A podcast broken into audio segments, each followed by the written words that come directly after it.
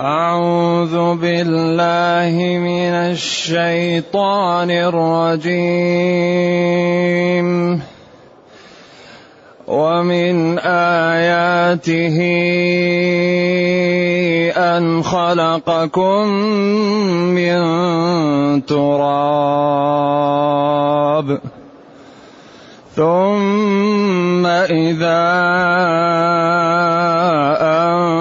أنتم بشر تنتشرون. تنتشرون. ثم إذا أنتم بشر تنتشرون. ومن آياته أن خلق لكم من أنفسكم أزواجاً أزواجا لتسكنوا إليها وجعل بينكم مودة.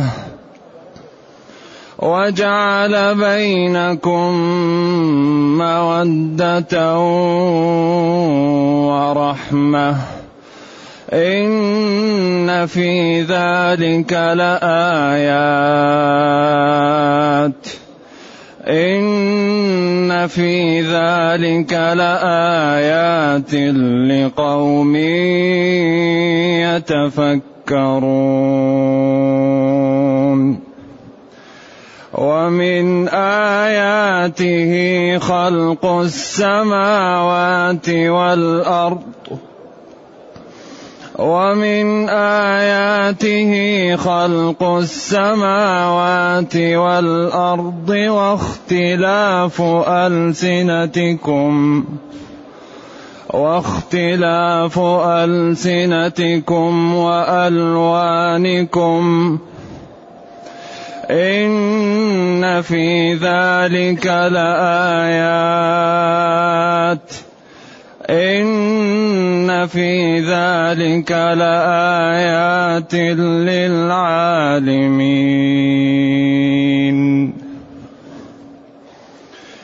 ومن آياته منامكم بالليل والنهار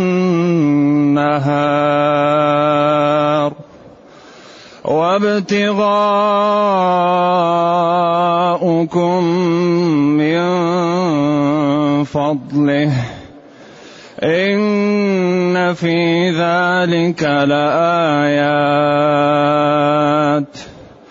إن في ذلك لآيات لقوم يسمعون. ومن آياته يريكم البرق خوفا وطمعا. يريكم البرق خوفا وطمعا وينزل من السماء ماء فيحيي به الأرض فيحيي به الأرض بعد موتها إن في ذلك لآيات.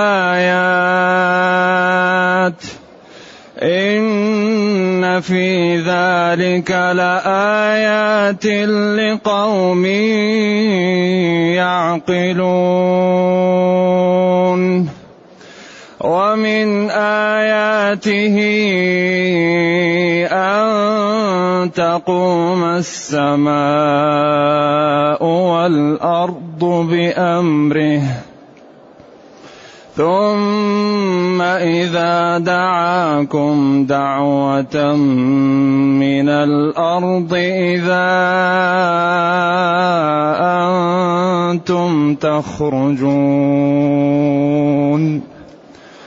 وله من في السماوات والأرض وله من في السماوات والأرض كل له قانتون.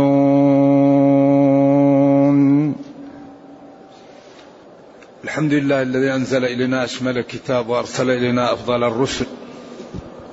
وجعلنا خير أمة أخرجت للناس.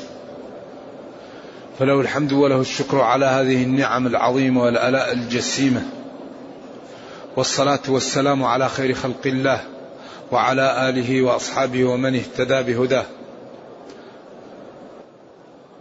ما بعد فإن الله تعالى ذكر في هذه الآيات ومن آياته ست مرات وذكر كل بعد هذه الجملة ما يدل على قدرته وأنه هو الذي يستحق أن يطاع وهو الذي يستحق أن يخاف وهو الذي يستحق أن يعبد. أما غيره فعاجز وناقص ويحتاج إلى من يقوم له بأموره. فقال جل وعلا ومن آياته أن خلقكم من تراب. هنا خلقكم للعلماء فيها قولان. قول خلقكم من تراب الذي تكونت منه النطفة لأن النطفة تتكون من الأكل والأكل يزرع في الأرض ويختلط به فالنطفة مآلها أصلا تراب. هذا القول واختاره بعض العلماء. القول الثاني الذي هو أوضح أن خلقكم من تراب أي أصلكم وهو آدم مخلوق من تراب. فنسبكم إلى أصلكم وهو أن الخلق كلها من آدم وآدم خلق من تراب. كما قال من تراب ثم من نطفة بعدين أول طين. ثم حمأ مسنون ثم صلصال ثم نفخ فيه. قيل إن آدم أخذ من جميع أنواع الأرض. كل نوع من الأرض أخذ منه قليل. وجمع هذا ثم بل ثم عجن ثم ترك حتى تخمر ثم بعد ذلك صار طين ثم صار صلصال ثم نفخ فيه. قالوا لأن آدم خلق من جميع الأرض فأولاد آدم يشبهون الأرض فيهم الأبيض وفيهم الأحمر وفيهم الأسود. كالأرض يعني كل أنواع الأرض موجودة في بني آدم. وفيهم الذي ينبت إذا جلست معه غمرك بحسن الخلق وبالكلام الطيب وباللطف وبالرفق كالأرض التي هي يعني تنبت فإذا وضعت فيها البذرة أنبتت لك نبات جيد وأتتك بثمر جميل. ومنهم من هو كالقيعان. إذا جل لا إذا جلست معها لا تسمع إلا أذية ولا تسمع فائدة. كالأرض السبخة التي إذا وضع فيها الماء لا ينبت ولا تمسك شيء. وفيهم من هو ليس بفقيه ولكن يحفظ. يحفظ العلم ولكن فقه ناقص. ولذلك قال رب حامل فقه إلى من هو أفقه منه. رب حامل فقه غير فقيه. حامل علم يحفظ ولكن لا يفهم جيد. لذلك تجد أن أن بني آدم خلقوا من الأرض فجميع أشكال الأرض موجودة في بني آدم. وهذا دلالة على قدرة الله وعلى أن هذا الصنيع صاحبه يخاف فلا يعصى ويشكر فلا يكفر. النتيجة الخوف من الله والإسراع لطاعته. هذا هو المقصود بهذه الآيات النتيجة. يقول جل وعلا ومن دلالات قدرته أن خلقكم من تراب خلق أباكم آدم من تراب. ثم بعد ذلك إذا أنتم بشر تنتشرون. بشر أحياء تنتشرون تتحركون وتتفرقون في الأرض.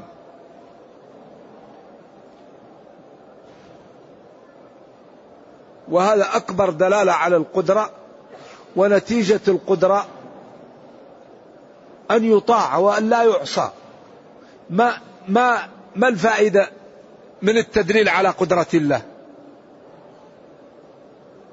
الفائدة أن العبد يخاف يمتثل يجتنب. هذه هي ثمرة قدرة الله ونعم الله ونقمة الله ممن يعصيه. إن بطش ربك لشديد. وكذلك أخذ ربك إذا أخذ القرى وهي ظالمة إن أخذه أليم شديد.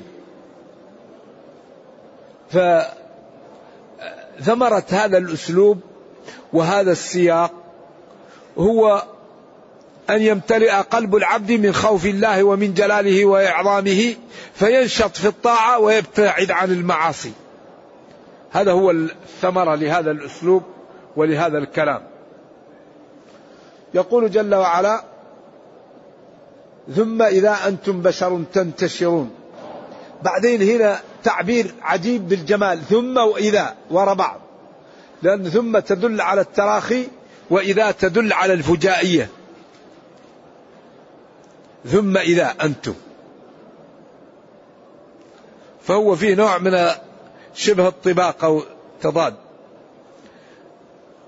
أن خلقكم من تراب ثم بعد أن خلقكم من تراب جعلكم إذا أنتم بشر. ثم إذا. ترتيب بعد ذلك إذا أنتم بشر تنتشرون.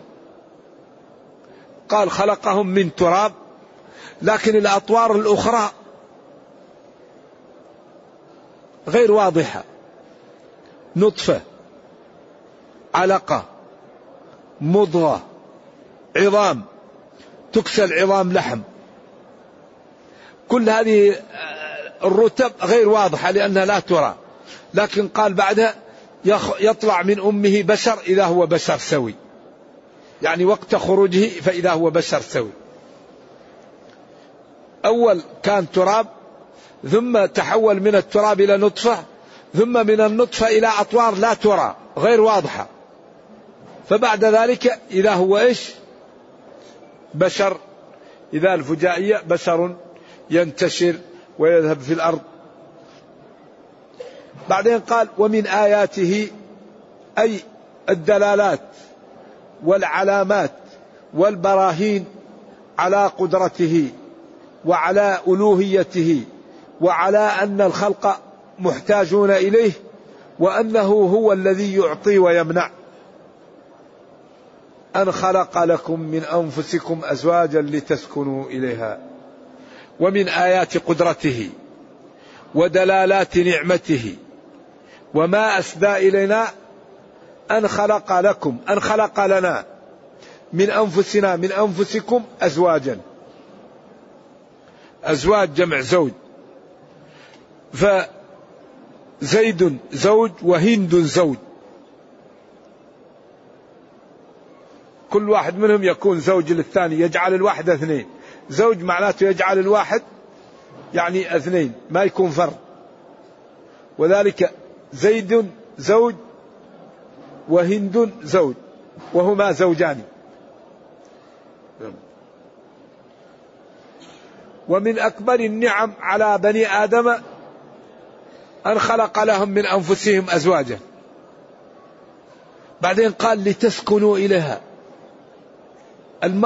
الزوج يسكن إلى زوجه ويأنس به. مسكين رجل لا زوج له. مسكينة امرأة لا زوج لها. ولذلك قال أن خلق لكم من أنفسكم. لأن المشكلة إذا كان الزوج من من من جنس آخر يكون عذاب على الإنسان إذا رآه يخاف وينفر منه.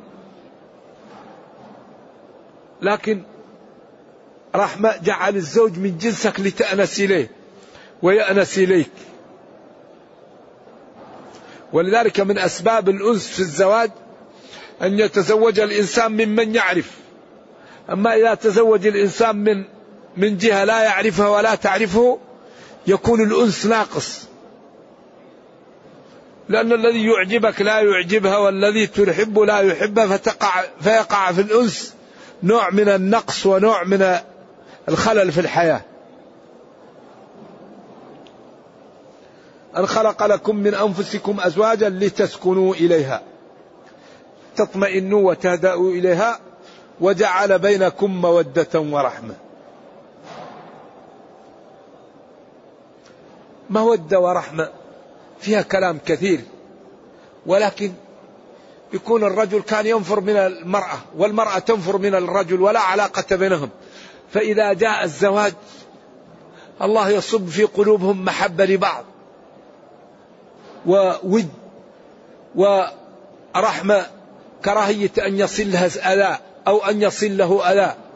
وهذا أيضا من لطف الله لأن هذه العيشة سيتكون منها أسرة ويتكون منها بشر. فإذا لم يجعل في القلوب هذه المودة وهم لا قرابة بينهم.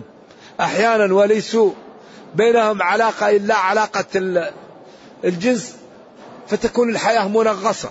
لكن الله جعل هذه المودة بينهم. أيوة تجد كلهم يحب الآخر وكلهم يكره أن ينال الآخر إيش؟ سوء. أما المرأة جبلت على الرجل لأنها خلقت منه فتفكير المرأة دائما في الرجل. أما الرجل الشريعة أمرته خياركم خياركم لأهله.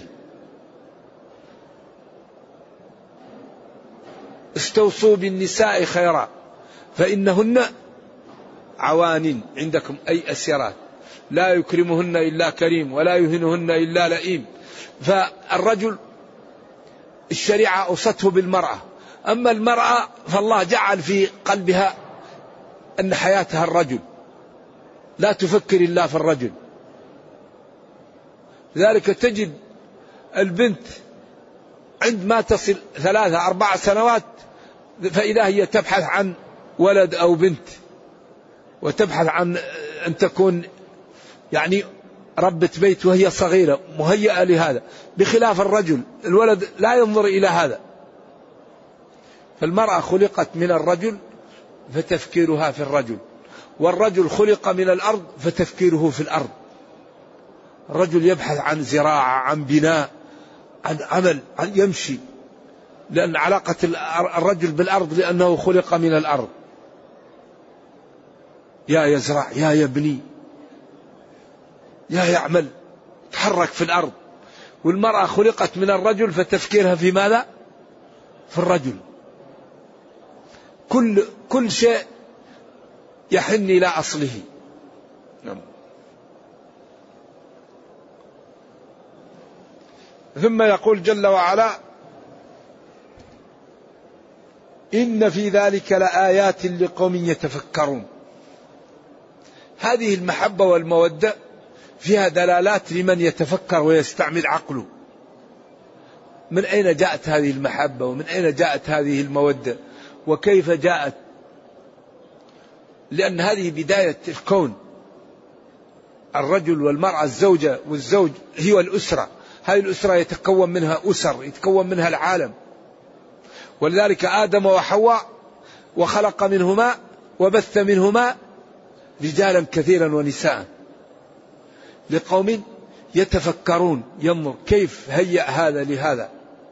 وكيف جعل بينهم الأنس والمودة. بعض المخلوقات كل ما تلاقيا يموت. أحدهما. بعد التلقيح يموت الملقح أو الملقح. يموت الملقح دائما. بعض الحشرات وبعض الدواب. هذا جعل فيه هذه المتعة ولا يموت وراءه. بعض الحيوانات يعاني من الاتصال معاناة عجيبة مثل الضفادع مثلا وبعض الأشياء. لكن الإنسان أكرمه الله بهذا يتناسل ويجد الأولاد ويجد امتداد ولا يكون وراءه تبعات.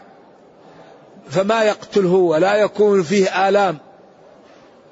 مثل ما يقع في بعض الحيوانات أو الحشرات الأخرى. وهذه امتنان من الله تعالى وبيان لقدرة الله جل وعلا. نعم. ثم قال ومن آياته خلق السماوات والأرض واختلاف ألسنتكم وألوانكم إن في ذلك لآيات للعالمين. للعالمين حفص والجمهور للعالمين من انفراداته نعم. العالمين جمع عالم وللعالمين للخلق جميعا آيات للجميع الخلق دلالات وبراهين.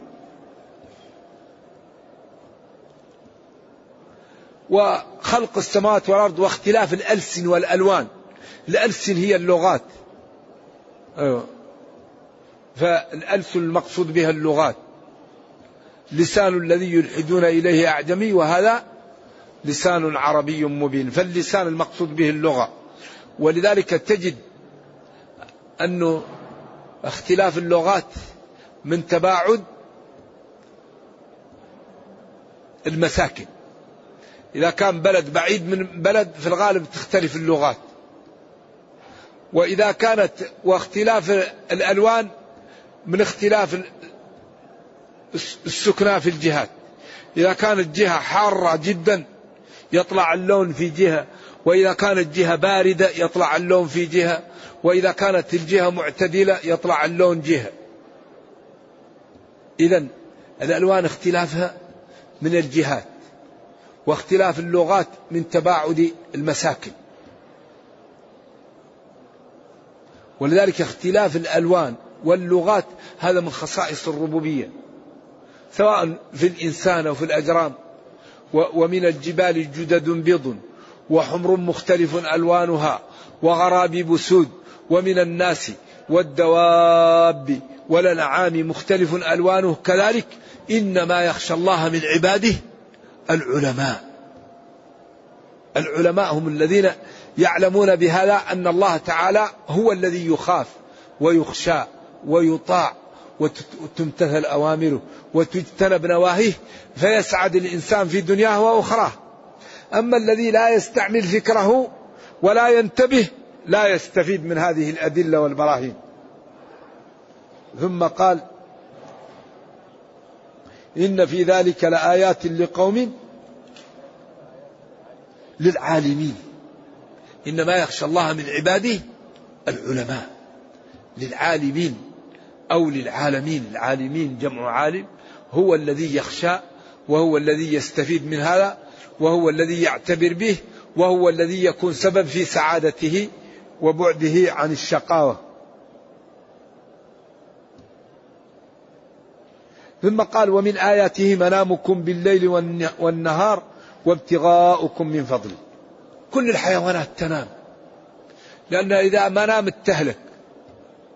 بعدين إذا نامت واستيقظت يرجع نشاط جديد. منامكم بالليل. أو النهار. بعض الناس ينام في الليل وبعضها ينام في النهار. وبعضها يبحث عن عيشته في النهار وبعضها يبحث عن عيشه في الليل. الأسود والحيات. تنام في النهار وتمشي في الليل. الإنسان ينام في الليل ويعيش في النهار وبعض الطيور والأشياء. لذلك النوم هذا آية من آيات الله. الله يتوفى الأنفس حين والتي لم تمت في منامها فيمسك التي قضى على ويرسل الأخرى إلى أجل مسمى. الإنسان كيف إذا نام كيف يتغير وكيف يكون أمره؟ هذه كلها نعم يعني أعطاها الرب للمخلوق ينبغي أن يشكرها ويعمل بمقتضاها. وابتغاؤكم من فضله. ابتغاؤكم من فضله أيضا. الله يعني جعل لكم وهيأ لكم أن تطلبوا من فضله ويرزق كل واحد حسب ما قدر له وحسب ما هيأ له. إن في ذلك لآيات لقوم يسمعون. يست... يسمعون يعني ما يقع و... و... ويستعملون أسماعهم في... هذه الأمور. ولذلك كل قضية وراء هذه لها علاقة ولها بلاغة. يسمعون يعقلون. كل هذه أمور في نوع من البلاغة والحسن لا يعلمها إلا الله. ثم قال ومن آياته يريكم البرق خوفا وطمعا. البرق هو الذي يقع عند مجيء المطر. قيل إنه عندما يحدث الرعد يحدث البرق قبله. قيل هو صوت ملك والحديث صالح للاحتجاج. وقالوا هو احتكاك الأجرام حتى يقع هذا. وورد في الحديث أن الرعد صوت ملك.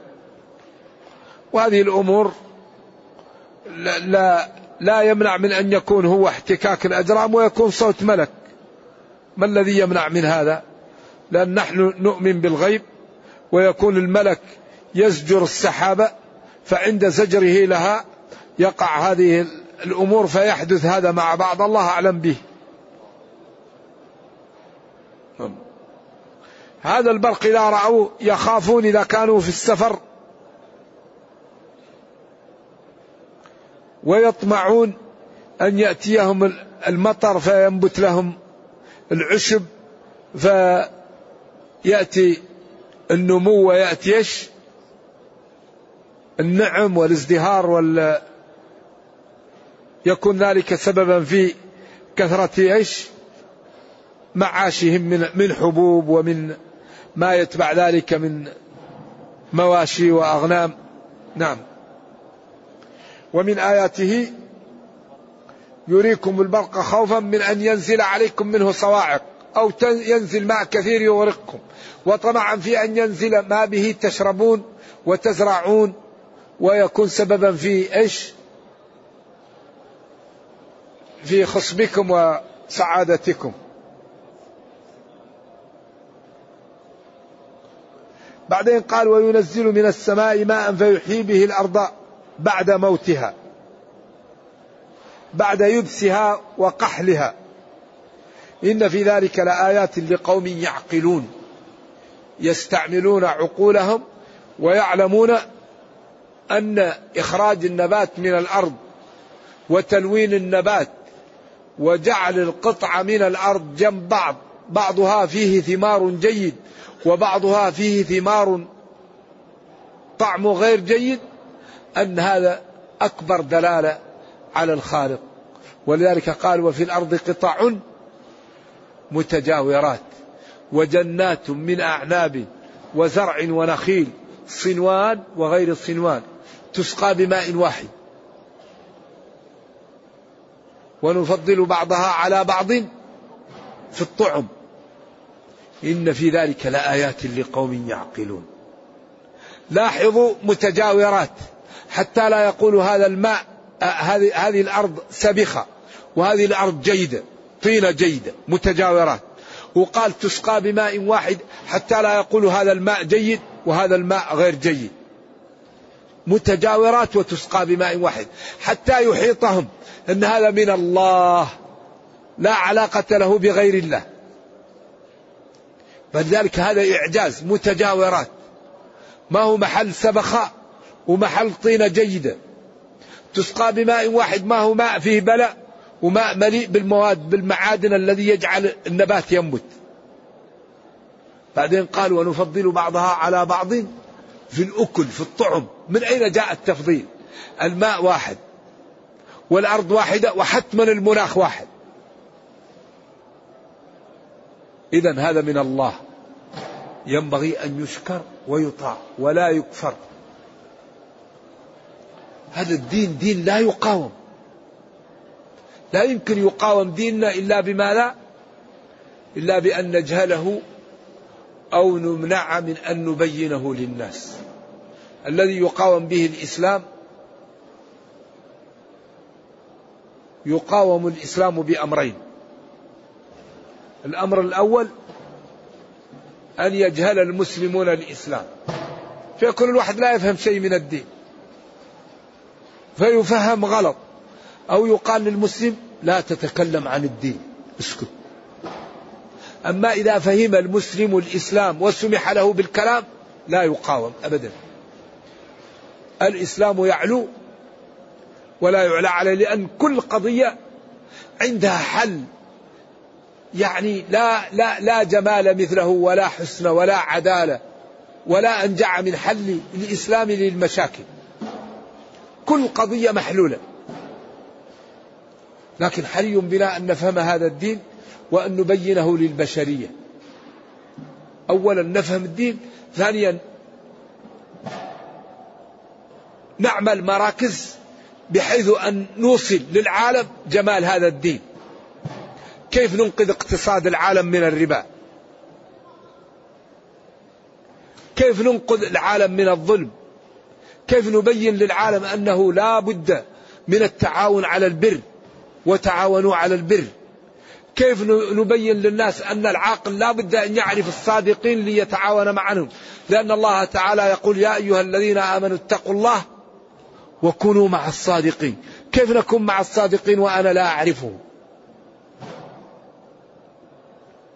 كل قضية موجودة في كتابنا. هذه الأمور الستة هي أصول كل شيء فيها. الخلق الرزق الإحياء. كل, كل الأمور وراء هذه الأشياء. لكن ينبغي الحقيقة أن نعطي الوقت لهذا الكتاب. ثم يقول جل وعلا ومن آياته أن تقوم السماء والأرض بأمره. السماء والأرض قائمة بأمر الله. يعني السماء مرفوعة بماذا؟ الأرض ثابتة بماذا؟ قائمة السماء والأرض بأمره. قال للأرض تيا طوعا أو كرها قالتا تينا طائعين. السماوات تراها بغير عمد. كيف مرفوعة؟ بغير عمد يرى أو بغير عمد أصلا. قولان للعلماء. ثم إذا دعاكم دعوة من الأرض إذا أنتم تخرجون. قيل لكم تعالوا خلاص. يأمر إسرائيل بالنفخ الثانية ويقول اخرجوا يخرج الناس. وبعدين إذا خرجوا من الأرض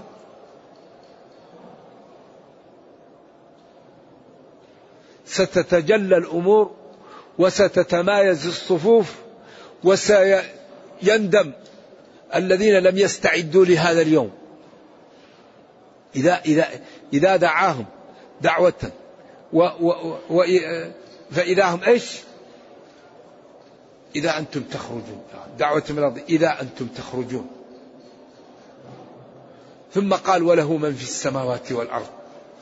له ملكا. وخلقا وتصرفا. من في السماوات والأرض؟ من هذه صفاته يعصى؟ من هذه صفاته تعطل أوامره؟ من هذه صفاته تنتهك نواهيه؟ وله من في السماوات والأرض؟ سبحانه ما اعظمه كل له قانتون منقادون طائعون شاءوا أم أبوا. ولله يسجد من في السماوات والأرض طوعا وكره وإن من شيء إلا يسبح بحمده. ولكن لا تفقهون تسبيحهم. وإن من الحجارة لما يتفجر منه الأنهار وإن منها لما يشقق فيخرج منه الماء وإن منها لما يهبط من خشية الله وما الله بغافل عما تعملون. هذا الإنسان أمره عجيب. فلذلك هذه الآيات أدلة واضحة على أن العاقل ما له إلا أن يطيع ربه ويستقيم على الخير ويبتعد عن المعاصي والشرور فتصلح له دنياه وأخرى. النتيجه من هذه الآيات خوف الله وطاعته. النتيجه من هذه الآيات أن يعتبر العبد فلا يدخل النار. هذه القدرة الهائلة صاحبها أوعد من من كفر بها أن يدخله جهنم. ووعد من استقام على شرعه أن يدخله الجنة. وكل هذه أدلة على ذلك وبراهين فينبغي أن نأخذ بها وأن نعمل بها وأن نستفيد منها وأن نبادر قبل أن يفوت الأوان. كل له قانتون طائعون شاءوا أم أبوا. نرجو الله جل وعلا أن يجعلنا وإياكم من القانتين. اللهم أرنا الحق حقا وارزقنا اتباعه. وأرنا الباطل باطلا وارزقنا اجتنابه وأن لا تجعل الأمر ملتبسا علينا فنضل. اللهم ربنا أتنا في الدنيا حسنة وفي الآخرة حسنة وقنا عذاب النار. سبحان ربك رب العزة عما يصفون وسلام على المرسلين والحمد لله رب العالمين والسلام عليكم ورحمة الله وبركاته.